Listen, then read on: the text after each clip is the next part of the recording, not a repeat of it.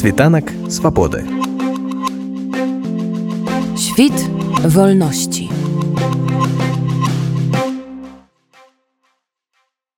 Адкрыўшы мітынг намеснік старшыні саюзу палякаў беларусі марык занеўскі прапанаваў ушанаваць хвілінай маўчання памяць алеся пушкіна пасля гэтага ён сумам паведаміў што ў добрых вестак за ўсходняй мяжы па-ранейшаму няма як няма дакладнай інфармацыі што адбываецца з анджеем пачобутам Co dotyczy naszego kolegi Andrzeja, to on na dzień dzisiejszy znajduje się w kolonii karnej w Żodzina. No i mamy bardzo niepokojące wiadomości stamtąd o nim, ponieważ od 6 lipca Andrzej po prostu zniknął. My nie mamy o nim żadnych informacji, nie dochodzą listy, został pozbawiony prawa na przesyłki, został pozbawiony prawa na telefony, został pozbawiony prawa na spotkanie z rodziną, także z tego co my wiemy, on jest w izolatorze karnym, tak zwanym szyzo. Już trzecie podejście robi, ponieważ tam maksymalnie po 10 dni można siedzieć, także dwa razy po 10 i teraz rzucono jego tam już trzeci raz. Także to wszystko nas bardzo niepokoi, licząc na, na to, że Andrzej ma problemy ze zdrowiem, ma problemy z sercem i nie wiemy, czy dostarczają jemu tam leki, czy dają leki, czy nie dają. I w kontekście tego, co się stało z Alesiem Puszkinem, w kontekście tego, co się dzieje w tych koloniach na Białorusi, to wszystko nas bardzo mocno niepokoi.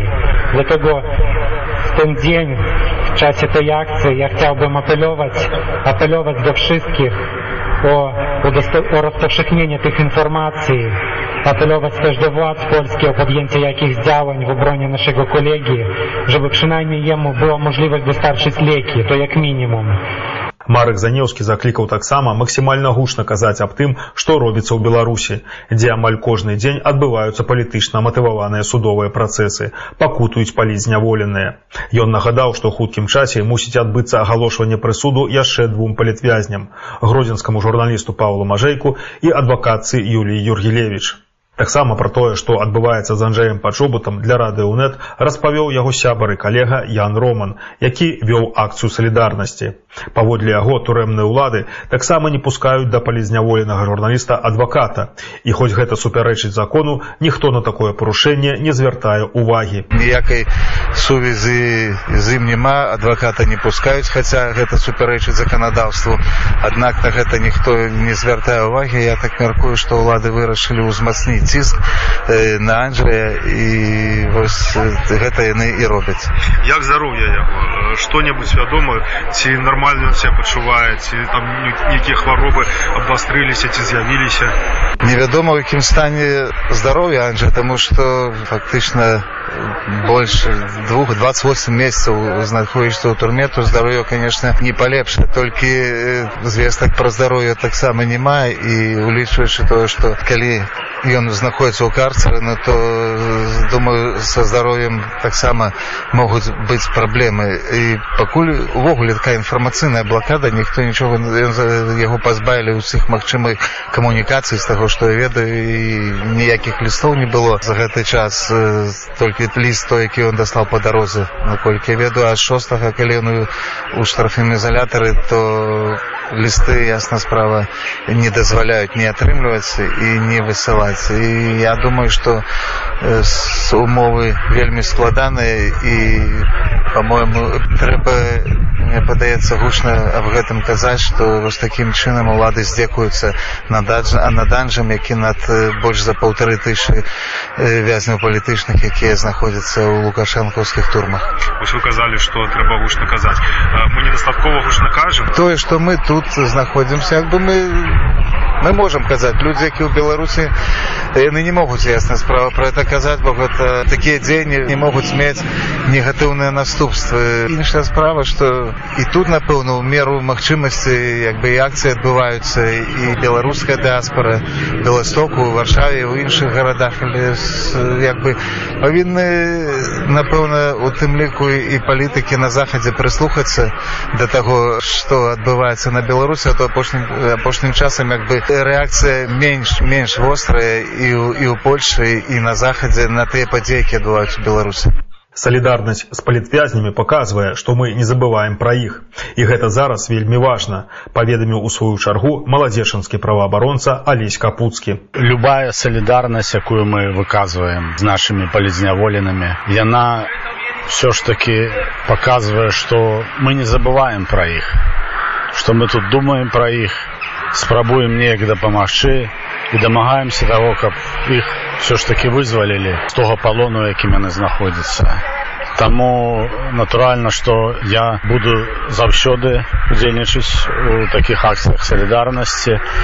Вось тым больш я як праваабаронца гэта так сказаць моя пакліканне не магу абысці гэта бокам людзі выходзяць сюды ўжо другі ну, трэці ўжо год бо ўжо два гады прайшло як ажай пачобут апынуўся за кратамі і пакуль нічога не змяняецца ці не замала толькі вось гэтых выхадаў на акцыі ведаеце это здаецца што можа быць недастаткова таго што мы робім але як кажуць вода камень точыць вядома мы не ведаем усіх планах планаў божых што ў яго там наконт нашага народу. І гэта можа цягнуцца яшчэ доўга-доўга але ж мы не можемм так просто змаўчаць і сядзець склаўшы рукі і нічога не рабіць. Мы мусім мусім выказваць салідарнасць як калісьці палякі. 10 гадоў яны чакалі вызвалення з моманту як паўстала салідарнасць. 10 гадоў яны таксама выходзілі нешта рабілі. Ім таксама здавалася што гэта можа быць ніколі не скончыцца. Але потым раз і все скончылася. Таму і мы мусім выходзіць і казаць праўду тое што мы думаем про тое што адбываецца ў нашай краіне. Правильно разумею што по вялікаму рахунку нічога акрамя выхаду на акцыі не мы не сёння польская дзяржава не тыя беларускія незалежныя дэмакратычныя арганізацыі яны нічога не могуць зрабіць. Для вызвалення для вызвалення вядома што пакуль што польская дзяржава прыбягае да такіх э, метадаў як санкцыі напрыклад перакрылі мяжу. Можа камусьці здавацца што гэта ну, мала што на што ўплывае. Але я думаю што ўсё гэта падтачвае рэжым як бы звонку Сэнс збірацца на такія акцыі ёсць, нават калі ніхто не паслухае, упэўнена віцэ-прэзідэнт беластоцкага аддзелу арганізацыі вспольнота польска Ганна Кітлінская. Паводле яе самае галоўнае, што такія акцыі не дазваляюць прызвычаецца да таго, што робіцца ў Беларусі, а потым і змірыцца з тым ненармальным станам. Spotykamy się co miesiąc, spotykamy się, to są podobne twarze, czasami pojawiają się inne osoby. I ja za każdym razem odpowiadam, że sens ma nawet jeżeli nas nikt nie posłucha, bo chodzi o to, żeby powiedzieć, że bardzo łatwo można się przyzwyczaić do wszystkiego. I w tej chwili my się przyzwyczajamy do tego, że na Białorusi jest reżim i że na Białorusi trwają procesy, że na Białorusi trwają aresztowania. Przyzwyczailiśmy się też do tego, że za naszą granicą jest wojna. I to, że my się tutaj spotykamy i mówimy o tym, co jest, to to jest takie przeciwdziałanie temu przyzwyczajeniu. Bo jak się przyzwyczaimy, to my to akceptujemy w pewien sposób. I rzeczywiście jest tak, że na Białorusi ludzie próbują żyć. Trwa nauka języka polskiego. Jak się nie da oficjalnie, to trwa nauka języka polskiego nieoficjalnie. Ludzie funkcjonują, przyjeżdżają tutaj do Polski, stoją w długich kolejkach i wydaje się, że no jakoś to życie idzie. Ale to, że my tutaj jesteśmy, mówimy o naszych przyjaciołach, o naszych znajomych i stoimy tutaj, to pokazujemy, że to jest pozorne takie przyzwyczajenie i taka pozorna, nie wiem czy to jest dobre słowo, taka pozorna szczęśliwość. Bo wszyscy chcieliby wrócić do domu. My też jako stowarzyszenie chcielibyśmy działać tak jak działaliśmy wcześniej, że jeździliśmy do Grodna, jeździliśmy do Brześcia, do Mińska, spotykaliśmy się z nauczycielami, robiliśmy naprawdę wspaniałe rzeczy i byliśmy razem, a teraz tego nie możemy zrobić i to nie jest normalne. I my wszyscy, spotykając się tutaj, chcemy powiedzieć, że to, co w tej chwili się dzieje, to absolutnie nie jest normalne i mamy taką wszyscy nadzieję, cały czas, że w pewnym momencie to się skończy. Chociaż jak śledzimy różnego rodzaju informacje, to jest nam trudno w to uwierzyć.